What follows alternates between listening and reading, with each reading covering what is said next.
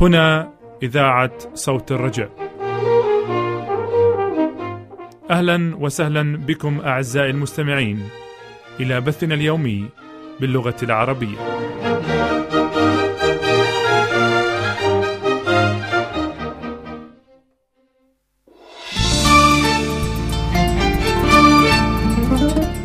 منير سلام ونور كمال يرحبان بكم أعزائي المستمعين من وراء ميكروفونات صوت الرجاء وفي هندسة الصوت أنور عبد المسيح.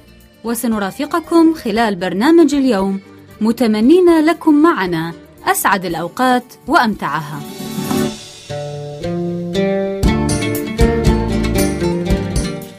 سيتضمن برنامجنا لهذا اليوم دروس من الحياة دروس نتعلمها من واقع الحياة. ومن ثم نستمع إلى عالم الأسرة برامج عائلية لأسرة سعيدة كريمة.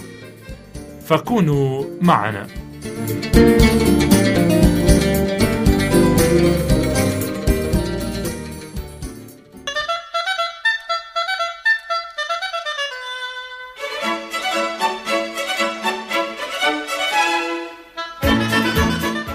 دروس من الحياة. برنامج أسبوعي يقدمه منير سلام.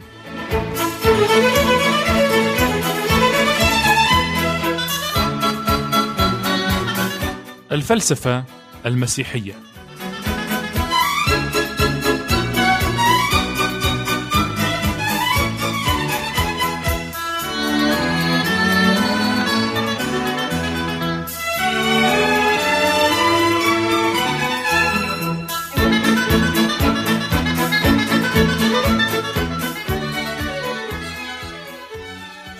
أهلا وسهلا بكم أعزائي المستمعين إلى برنامجكم الأسبوعي دروس من الحياة.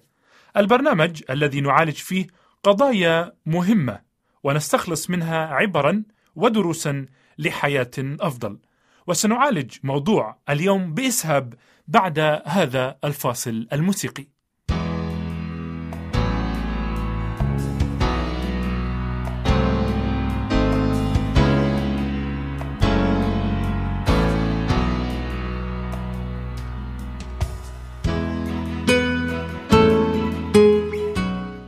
إن الفلسفة المسيحية الحقيقية تفي بكل متطلبات الإنسان دون الوقوع في خطأ الاعتماد على الحكمة البشرية. فمجرد طاعة الله وتسليم الحياة لقيادته وتوجيهه وإرشاده يمكنه أن يكشف عن مدى فراغ وكذب وعجز الفلسفات الأخرى عن مواجهة الاحتياجات البشرية. إن الحقيقة التي ينبغي أن تدركها جيدا عزيزي المستمع هي أنك ما لم تكن منفتحا لكلمة الله ومستعدا لإطاعة الله طاعة كاملة من كل قلبك وفكرك وعقلك وقدرتك وما, وما لم تكن تريد أن تحرك عالمك أو أن تدفع الثمن الباهظ لحياة المسيحية. فمن الأفضل لك أن تكون على استعداد لإعادة حساباتك خلال الدقائق القادمة. إن الإله الذي يتكلم عنه الكتاب المقدس هو إله واحد غير محدود. له شخصية مميزة. إله لا يوجد مثله وهو وحده الواحد الكامل المطلق الذي يملك كل المؤهلات التي تجعل منه الها عظيما يستحق أن تعبده وتحبه. وهنا في الحقيقة تكمن نقطة الخلاف الجوهرية بين المسيحية وبقية الديانات. وبغض النظر عن نوع الإيمان الذي يؤمن به الغير فالاله الحقيقي موجود ولا يطلب أكثر من مواجهة عاقلة. تعطي للعقل معنى وتحقق للإنسان وجوده. إنه إله يريد أن يمنح الإنسان القدرة على التفكير فيه والإحساس به. إله يقول عنه الكتاب المقدس أنه غير محدود وله شخصية مميزة ويظهر ذاته بطريقة تتيح للإنسان فرصة الدراسة والبحث والتفكير. كما تتيح له الاستمتاع به وبحبه. وقد كتب الرسول بولس في إلى أهل العبرانيين الله بعدما كلم الآباء بالأنبياء قديما بأنواع وطرق كثيرة كلمنا في هذه الأيام الأخيرة في ابنه الذي جعله وارثا لكل شيء الذي به أيضا عمل العالمين الذي وهو بهاء مجده ورسم جوهره وحامل كل الأشياء بكلمة قدرته. بعدما صنع بنفسه تطهيرا لخطايانا جلس في يمين العظمة في الأعالي.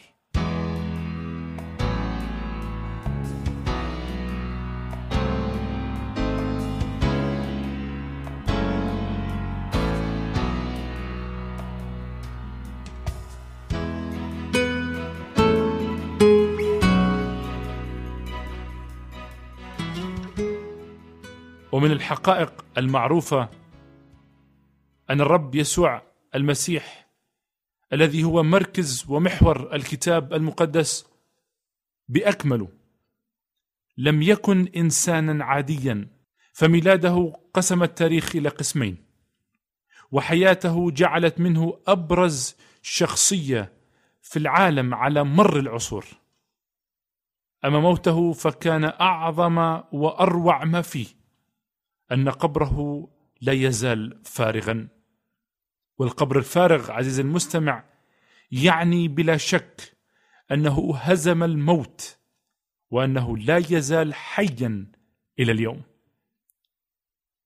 إن الرب يسوع هو شخص مرتبط ارتباطا فعالا بعالمنا شخص يعمل ويتحرك ويتفاعل مع طاقة الإنسان الخلاقة وسط عالم متغير فهو ليس مجرد تاريخ كتاريخ الديانات الأخرى الذي يشير إلى طاعة عمياء أو مستقبل ثابت لا يتغير أو إله لا يهتم ويعبأ وهو أيضا ليس الها صغيرا يعجز عن مساعدتنا أو الها ليس له شخصية فلا يقدر على العناية والاهتمام بنا فالكتاب المقدس يقول عن الرب يسوع. من ثم كان ينبغي أن يشبه إخوته في كل شيء لكي يكون رحيما ورئيس كهنة امينا فيما لله حتى يكفر خطايا الشعب لأنه فيما هو قد تألم مجربا يقدر أن يعين المجربين. فإذ لنا رئيس كهنة عظيم قد اجتاز السماوات يسوع ابن الله فلنتمسك بالإقرار لأن ليس لنا رئيس كهنة غير قادر أن يرثي لضعفاتنا بل مجرب في كل شيء مثلنا بلا خطية فلنتقدم بثقة إلى عرش النعمة لكي ننال رحمة ونجد نعمة عونا في حينه. نعم عزيزي المستمع ليس غريبا أن يتساءل الناس قائلين: هل يستطيع الله أن يهتم بهذه الملايين من البشر؟ وهل يريد الله حقا أن يهتم ويعتني بهم؟ والواقع بين الإجابة موجودة داخل كل واحد منا. فالله وضع في داخلنا احساسا عظيما بالتناقض بين الشر والخير وهذا الإحساس في حد ذاته إنما يعني أننا لسنا مجرد قطع من الشطرنج. في لوحة شطرنج عظيمة يحركها الله كما كما يشاء. ذلك لأننا لو كنا حقيقة مجرد قطع من الشطرنج فإننا لن نتألم أو نبالي بأي حادثة أو كارثة عظيمة مروعة تقع في العالم. وهذا ما عبر عنه الرسول يوحنا قائلا لأنه إن لامتنا قلوبنا فالله أعظم من قلوبنا ويعلم كل شيء. أيها الأحباء إن لم تلمنا قلوبنا فلنا ثقة من نحو الله.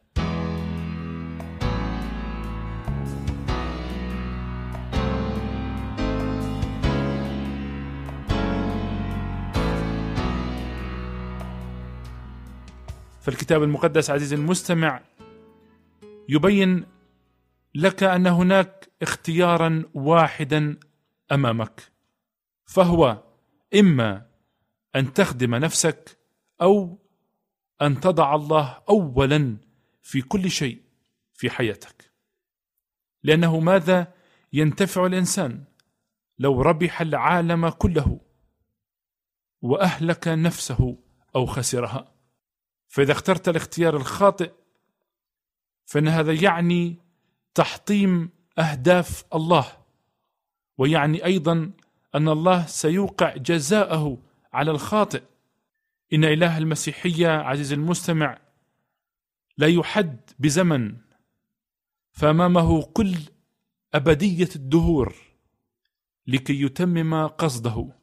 والله لا يحد بمكان فله كل الكون وهو لا يحد بنقص في القوة أو الحكمة أو القدرة فهو كلي القوة والقدرة والحكمة. نعم عزيزي المستمع إن الله يريدك أن تساعده على تحقيق قصده في حياتك. فهل تريد حقا أن تكون ممن يتعلم عند قدميه المثقوبتين يسمع منه ويطيع؟ هل تقبل أن تضع حياتك كلها تحت تصرفه لكي يتمم كل وصاياه؟ هل تريد أن تعمل مع الله؟ هل تريد أن تتمرد أم تطيع؟ هل تفشل وتسقط أم تغير العالم؟ فالخيار خيارك فماذا تختار عزيزي المستمع؟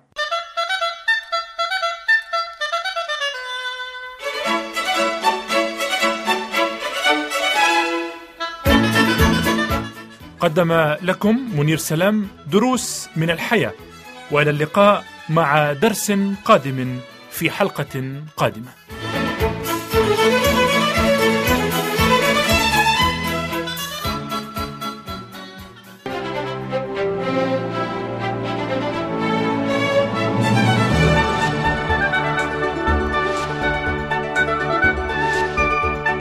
أنتم تستمعون لصوت الرجاء.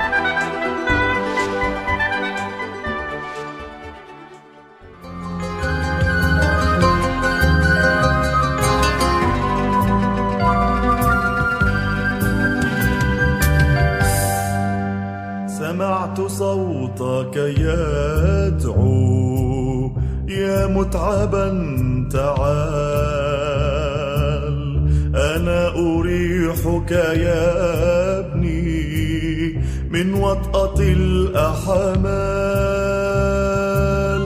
آتي وكل ديون سددها محال آتي ولا أستحق شيئا سوى الزوال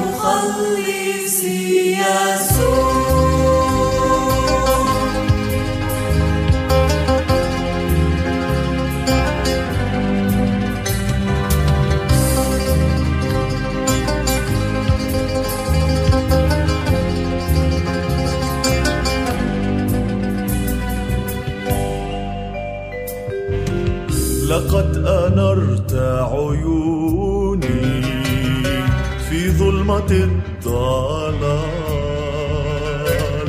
وقد نشلت حياتي من وهدة الأهوال. ما عدت أبغي قصورا تهوي على الرمال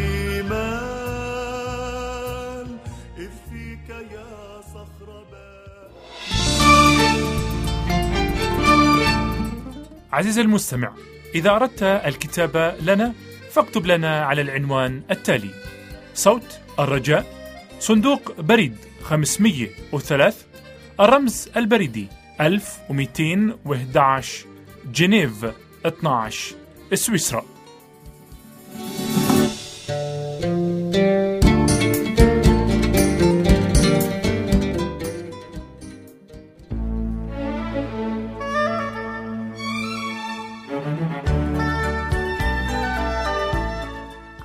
الأسرة.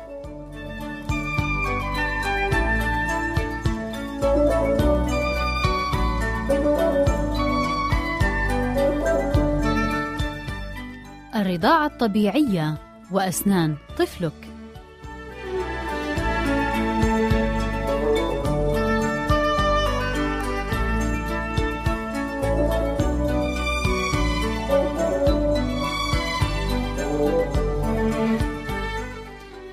عزيزتي الأم أظهرت دراسة جديدة أن الأطفال الذين يستخدمون المصاصات أو يرضعون من زجاجات الحليب أكثر عرضة للإصابة بضعف الأسنان وعدم تناسقها بحوالي الضعف مقارنة بمن يرضعون من أمهاتهم. حيث أوضح الباحثون أن الأسنان اللبنية تستبدل بأسنان بالغة ودائمة مع تقدم الطفل في العمر، ولكن ترتيب هذه الأسنان اللبنية والفراغات بينها يلعب دورا حاسما في تناسق الأسنان الدائمة وانتظامها بصورة سليمة. ووجد أطباء الأسنان بعد تقييم أثر كل من المصاصات وزجاجات تغذية الأطفال على نمو أسنانهم. عند 1099 طفل تراوحت أعمارهم بين ثلاثة وخمسة سنوات أن أكثر من ثلث الأطفال يعانون من عدم تناسق أسنانهم وسوء ترتيبها وهي حالة تعرف باسم الإطباق المغير حيث كانت الأسنان الأمامية عند كل طفل من ثمانية أي ما نسبته 13% لا تتلامس ولا تنطبق جيدا وهي حالة تسمى العضة الأمامية. ولاحظ هؤلاء الأطباء في دراستهم أن 7% من الصغار يعانون مما يعرف بالعضة المتقاطعة الخلفية حيث تعض الأسنان الخلفية العلوية إلى داخل تلك السفلية وهي حالة ليست بالطبيعية في إطباق الأسنان.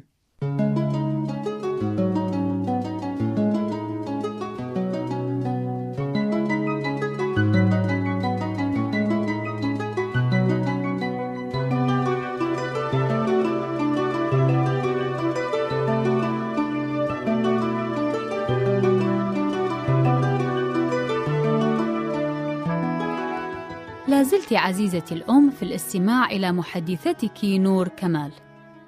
ولمعلوماتك فإن الأطفال الذين يمصون إبهامهم أو المصاصات الصغيرة أي المص غير المغذي هم أكثر عرضة لسوء ترتيب الأسنان وتناسقها بحوالي مرتين.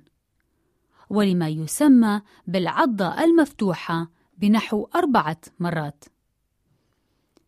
وأشار الباحثون عزيزتي الأم إلى أن الرضاعة الطبيعية تحمي من إصابة الأطفال بالعضة المتقاطعة الخلفية حتى عندما يمص الأطفال إبهامهم أو يستخدمون المصاصات.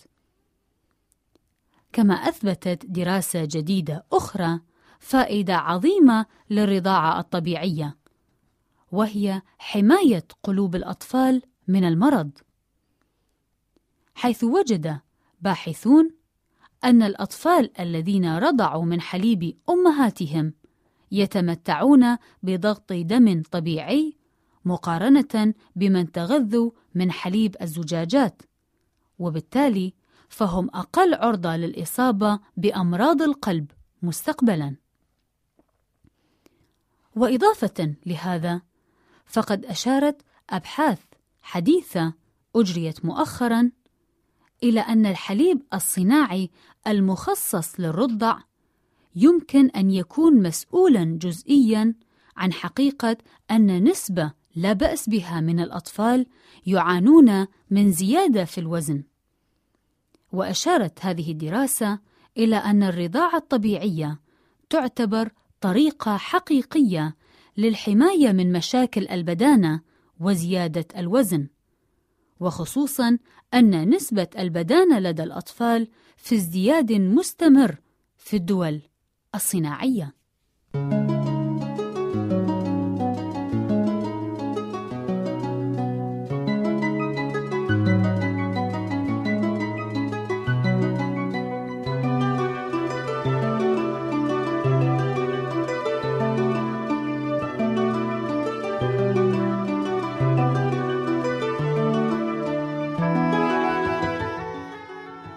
ناحية أخرى عزيزتي المستمعة فقد أجريت دراسة في دولة أخرى على نحو 350 ألف طفل تتراوح أعمارهم ما بين 13 شهرا وخمسة سنوات لمعرفة الفترة التي حصلوا خلالها على رضاعة طبيعية وعلاقتها بمستويات الذكاء والقدرة على التحصيل.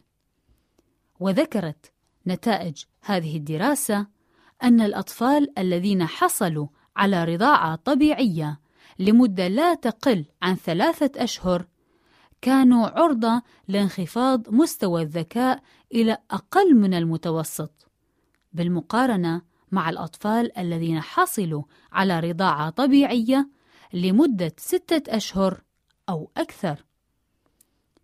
والجدير ذكره حول أهمية الرضاعة الطبيعية كمسكن لآلام الأطفال، حيث قال باحثون أن الرضاعة الطبيعية تخفف من انزعاج المواليد من وخز الإبر، وقد تعمل كمسكن للألم خلال عمليات مؤلمة مثل الختان.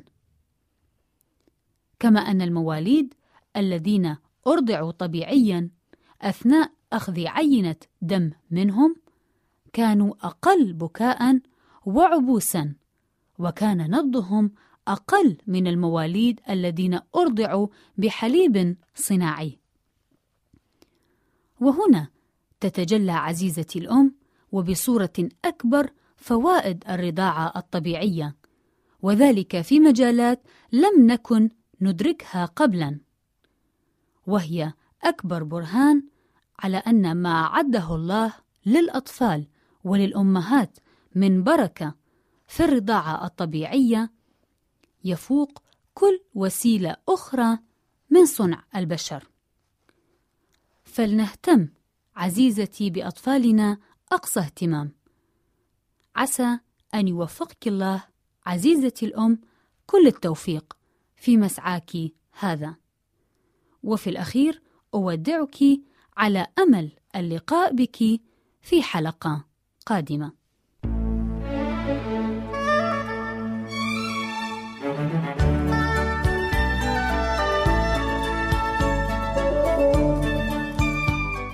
كنتم مع محدثتكم نور كمال في عالم الأسرة.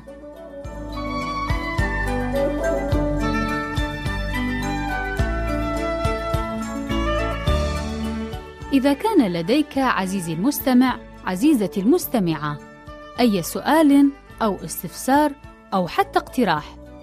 فأرجو الكتابة لي شخصياً على عنوان البرنامج الذي ستسمعونه في نهاية البث وسأكون في غاية السرور للإجابة عليها.